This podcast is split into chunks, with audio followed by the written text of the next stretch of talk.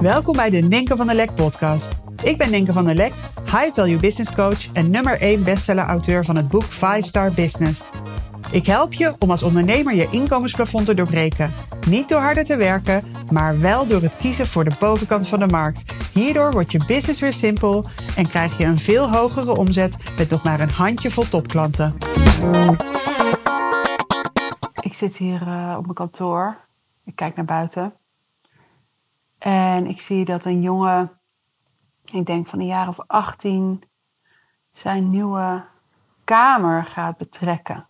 Dus die gaat, ik denk voor het eerst op kamers, omdat de hele familie er steeds bij is.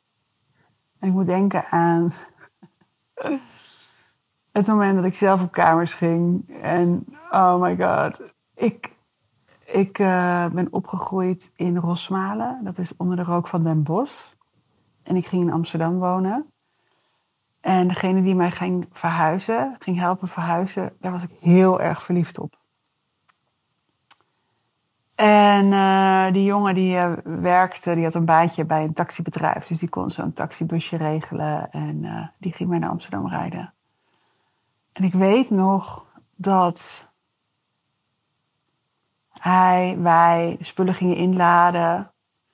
En mijn ouders die waren er natuurlijk bij. En ik was zo bezig om leuk gevonden te worden door die jongen. Dat ik alles wat mijn ouders deden, vond ik stom. En ja, ik wilde vooral niet dat die jongen uh, wat van mijn ouders zou vinden.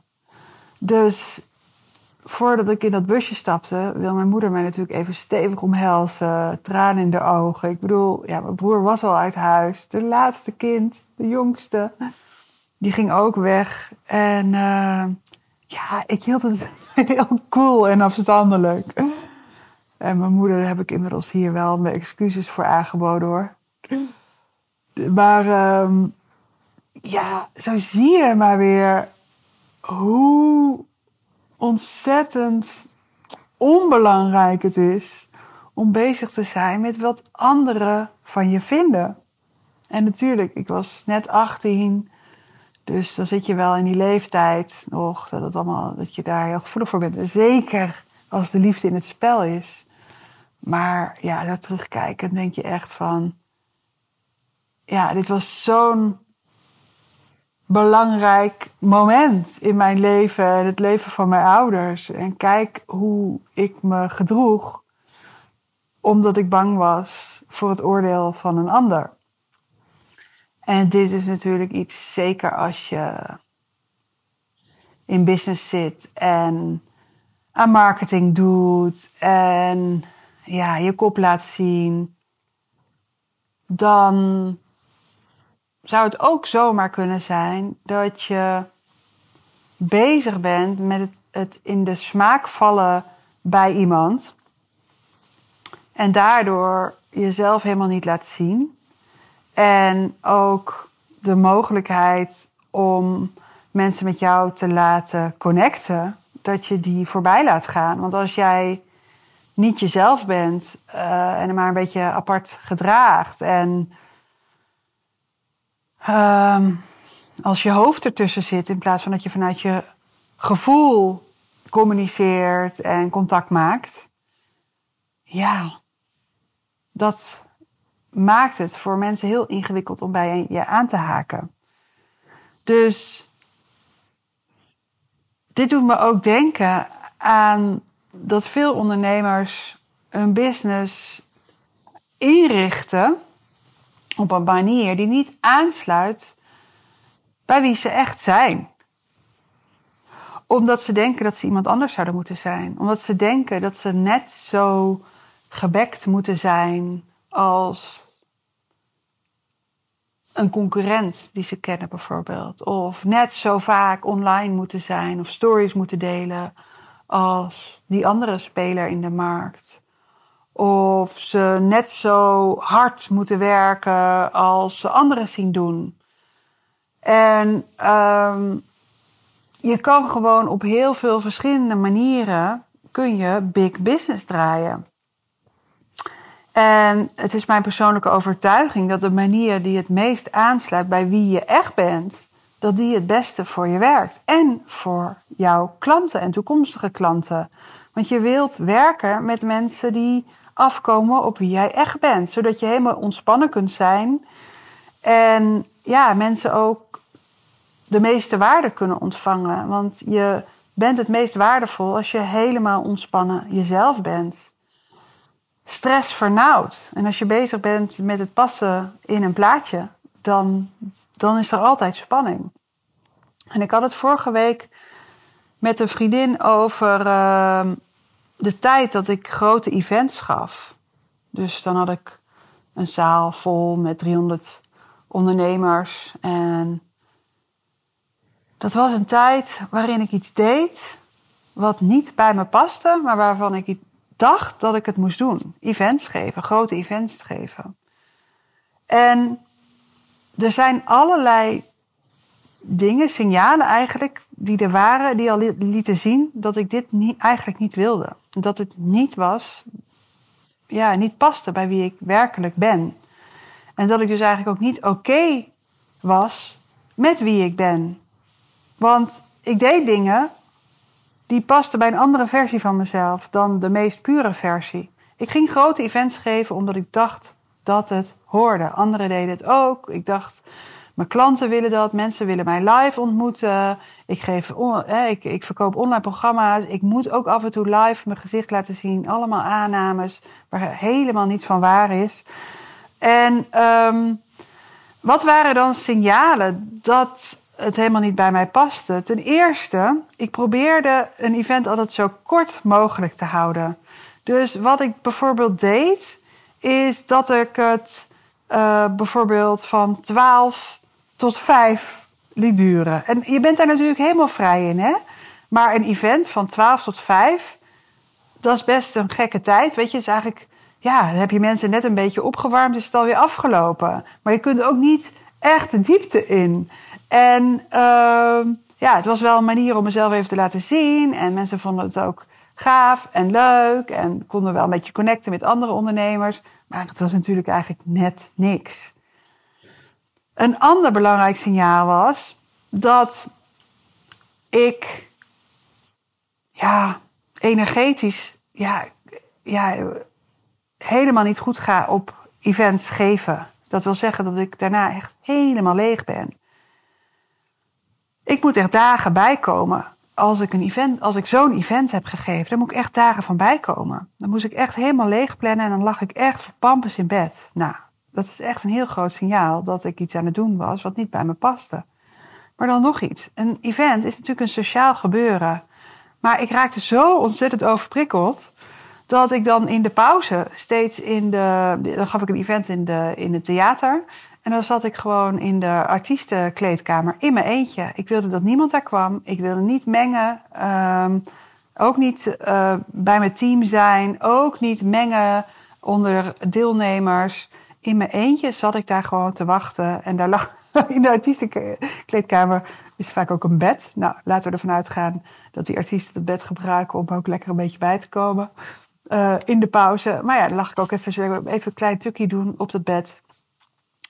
En uh, ja, daarna mezelf weer oppeppen. Echt zo oppeppen. En dan merkte ik eigenlijk gewoon een soort tegenzin. Maar echt mezelf oppeppen om weer op te gaan. En dan deed ik mijn ding. En dan ja, ik denk dat het van de buitenkant er wel allemaal oké uitzag. Maar van binnen, ik was echt aan het wachten tot het weer voorbij was. Ook na afloop, altijd gezellige borrel. Maar met Floris, mijn man, sprak ik altijd af dat hij ook bij de borrel aanwezig zou zijn. En dat hij me na een half uur weg zou trekken. Gewoon alsof we ergens nog heen moesten, een afspraak hadden. Nou, hoeveel signalen wil je krijgen dat het gewoon niet je ding was? En daarnaast trouwens, het organiseren van een groot event. En het kost superveel geld, heel veel organisatie, heel veel uren van mijn team. En ik hou van een clean, lichte business. En er komt gewoon ontzettend veel bij kijken. En dat is helemaal niet erg, als het wel helemaal je ding is. En als je daar echt helemaal op je plek staat. En naar mijn idee is het dus heel erg belangrijk dat je je bedrijf zo inricht um, dat het helemaal bij je past. En dat je dus ook helemaal oké bent met wie je bent. En dat je doet wat je energie geeft. En dat je stopt met de dingen die je te veel energie kosten. En als ik kijk naar hoe ik het beste uh, functioneer als het gaat om onder de mensen zijn, dan is dat in kleine groepen. Dat heb ik privé, weet je. Er zijn mensen die hebben van die enorme vriendengroepen. Dat heb ik niet. Ik heb gewoon losse vrienden en vriendinnen. En uh, heel graag spreek ik gewoon één op één af of in een heel klein groepje. En dat heb ik ook business-wise. Ik werk graag met een klein team en ik werk graag met een klein groepje klanten. Vandaar ook mijn huidige businessmodel. Ik werk met een klein groepje klanten en dan voel ik me helemaal senang. Als ik nu een mastermind geef, ben ik opgeladen na afloop. Dat is echt heel iets anders. Ik heb niet het idee dat ik een hele zaal moet entertainen. Nee, met een kleine groep kan ik echt aan het werk zijn. En heb ik het idee dat we het ook ja, met elkaar doen. Weet je wel, in plaats van dat ik op het podium sta en een heel event moet dragen. Dat was een beetje het gevoel wat ik eerst had. En nu is echt een soort dynamiek in een kleine groep. En uh, tuurlijk, ik heb een bepaalde rol in die groep, maar de groep inspireert ook elkaar. Het is gewoon, ja, die kleine samenstelling past gewoon veel beter bij me. En mijn team, zoals ik net zei, weet je, er zijn. Ik, ik, ik, zit, op een, ik zit in een heel groot kantoor in Deventer. Dus zouden hier zo, nou, zes tot tien man kunnen werken. Maar tot de dag van vandaag zit ik hier alleen. Ik vind het heerlijk. Ik heb thuis drie jongens, een pup, het is druk genoeg, een man. en uh, ik vind het heerlijk om een eigen plek te hebben, maar ook space. Om, om mezelf die ruimte te gunnen. Um, het voelt ook een soort als een tweede huis. Waar ik gewoon lekker kan zijn. En uh, ja, het ziet er ook een beetje uit als een huiskamer. Gewoon helemaal ja, zo ingericht zoals ik me fijn voel. Ik werk ook uh, dus virtueel met mijn team. Terwijl ze best ook hier live zouden kunnen zitten, maar ik werk virtueel. Ik ben heel sociaal en verzorgend. Als ik mensen om me heen heb, dan heb ik ook het idee dat ik iets met ze moet. En dat ik voor ze moet zorgen. Dat zit, is ook een deel van me. En soms denk ik van, oh, dat is een dikke, vette, belemmerende overtuiging. Ik moet zorgen voor mensen. Nee, het is iets wat me eigenlijk helemaal geen stress geeft zorgen voor mensen. Als het gewoon in een omgeving is, in een situatie is die bij me past. En in werk, ja, ik wil gewoon lekker zelf bezig zijn en alles los kunnen laten als ik, uh, als ik er klaar mee ben. Ik werk ook tot de dag van vandaag alleen maar met freelancers. Zo werk ik al tien jaar. Alleen maar met freelancers. Dat past het beste bij wie ik ben. Weet je, gewoon los. Als ik kijk naar mijn business afgelopen tien jaar. Het, ja, elke keer wisselt het ook. Ik wil die vrijheid hebben om dingen aan te passen, om op te schalen, af te schalen. Ik wil niet verantwoordelijk zijn voor mensen als ze vakantie hebben of ziek zijn. Uh, ja, dit past gewoon bij me. En wat ook bij me past, is, dat is ook iets wat ik steeds meer omarm. En dat is misschien wel de eerste keer dat ik het in een podcast noem, is dat ja, business lijkt soms heel belangrijk voor me, maar is eigenlijk helemaal niet zo belangrijk. Ik merk dat het steeds meer een bijzaak voor me wordt. En het klinkt misschien heel oneerbiedig. Um, nou, het is eigenlijk gewoon een stemmetje wat ik nu ook in mijn hoofd voel. Van ja, doe ik dan mensen tekort? Zie je, hier zit weer een stukje zorgzaamheid. Maar het gaat er gewoon om dat ik, ja, mijn business maakt ook een heerlijk leven mogelijk voor mezelf. Een leven met ontzettend veel vrijheid en keuzevrijheid. En ja, daar, daar stap ik graag middenin. En er zijn een paar dingen waar ik harde commitments op heb. En dat is het werken met een klein aantal klanten op vaste momenten. Dus dat, dat is heel voorspelbaar voor mezelf. Eén keer in de twee weken heb ik een coachingscall uh, met mijn klanten bijvoorbeeld. En ik heb een aantal één op één momenten met klanten. Maar het is allemaal op vaste momenten. En de rest ben ik zo flexibel als wat.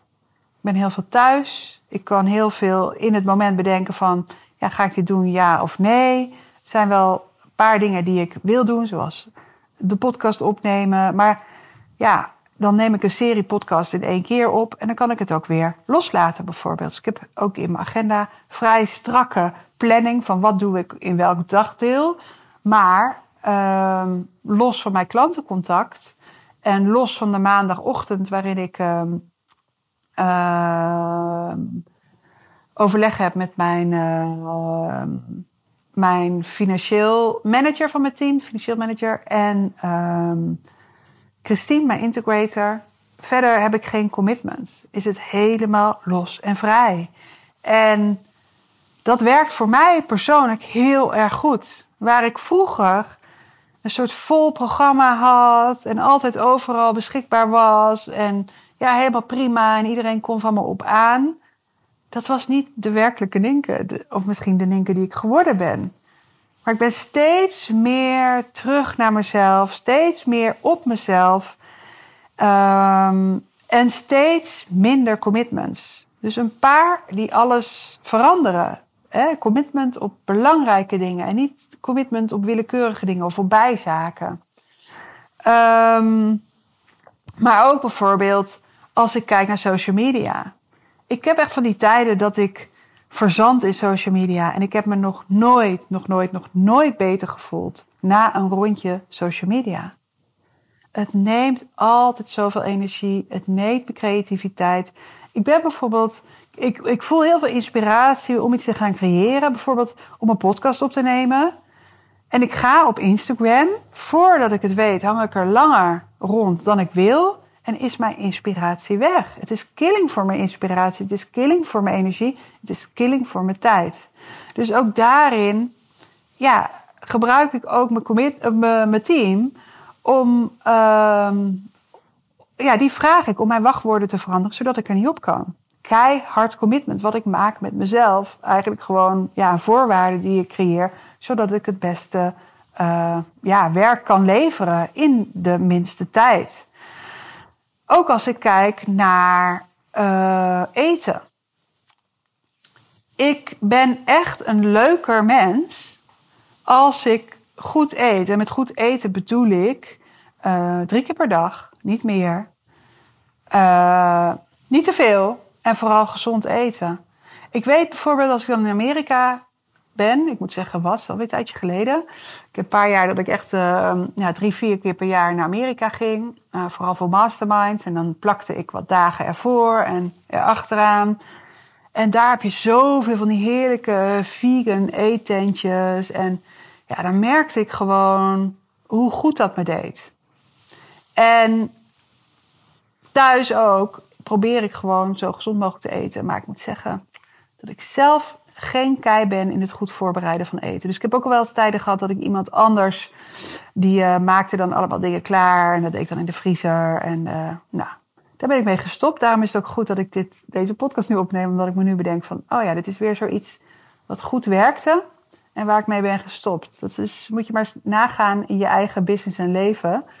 dat dat heel vaak voorkomt. Iets wat goed werkt, daar stop je dan ineens mee... Bijvoorbeeld als het om mij gaat dat mijn team mijn wachtwoorden op social media verandert zodat ik er niet meer in kan. En alles wat ik wil posten gaat dan via hen. Um, ja, dat is dan op een of andere manier stop ik daar dan weer mee. Dat is echt uh, heel bijzonder elke keer. Maar bijvoorbeeld, uh, ja, dus dat uitbesteden van dat uh, gezonde eten maken. Ik moet zeggen, Floris, mijn man, die kookt bijna altijd. Ik denk 90, 95 procent van de tijd. En die, die kookt ook heel lekker en gevarieerd. Ik ben echt gezegend met een man die zo lekker en uh, zo regelmatig kookt. Maar toch zou ik, zeker als het gaat om lunch, zou ik daar nog wel wat stappen in kunnen maken. Dus dat uitbesteden is ook gewoon een goede. Hè? Dus dat je dat één keer even goed voorbereidt. In, dit geval is het gewoon ja, één belletje naar iemand. Um, en dat het er gewoon is. Maar ik ben een leuker mens. Ik ben meer mezelf. Ik ben meer helemaal oké met mezelf als ik dat doe. Ik ben ook een leukere moeder als ik dat doe. Ik ben ook een leukere moeder als ik vroeg naar bed ga. Vroeg naar bed gaan past gewoon helemaal bij wie ik ben. Als ik dat niet doe, omdat ik denk dat het gezelliger is dat ik langer wakker blijf. Als ik dat niet doe, omdat ik denk dat het saai is dat ik altijd vroeg naar bed ga, dan ben ik een minder leuk mens voor mezelf en voor de mensen om me heen. Ik ben veel minder productief en sta veel minder licht in het leven. Dus ja, naar mijn idee is het zo belangrijk om helemaal oké te zijn met wie je bent en je business en je leven daarop in te richten. Weet je, je bent de enige met wie je de hele, je hele leven op moet trekken. Je bent 24/7 met jezelf. En ja, je omgeving zal al dan niet wat van je vinden. Dat is altijd zo. Maar wat ik net zei, je bent in ieder geval een veel, veel fijner voor ze en voor jezelf. Als je gewoon oké bent met wie je bent. En ook dat als uitgangspunt neemt in de keuzes die je maakt in je ondernemerschap en in je leven. Nou, dat na allemaal, allemaal naar aanleiding van die verhuizende jongen hier tegenover me. Ze hebben net een nieuwe stofzuiger gekocht. Dus ehm, nou, dat komt daar helemaal goed. Dankjewel voor het luisteren weer en tot de volgende podcast.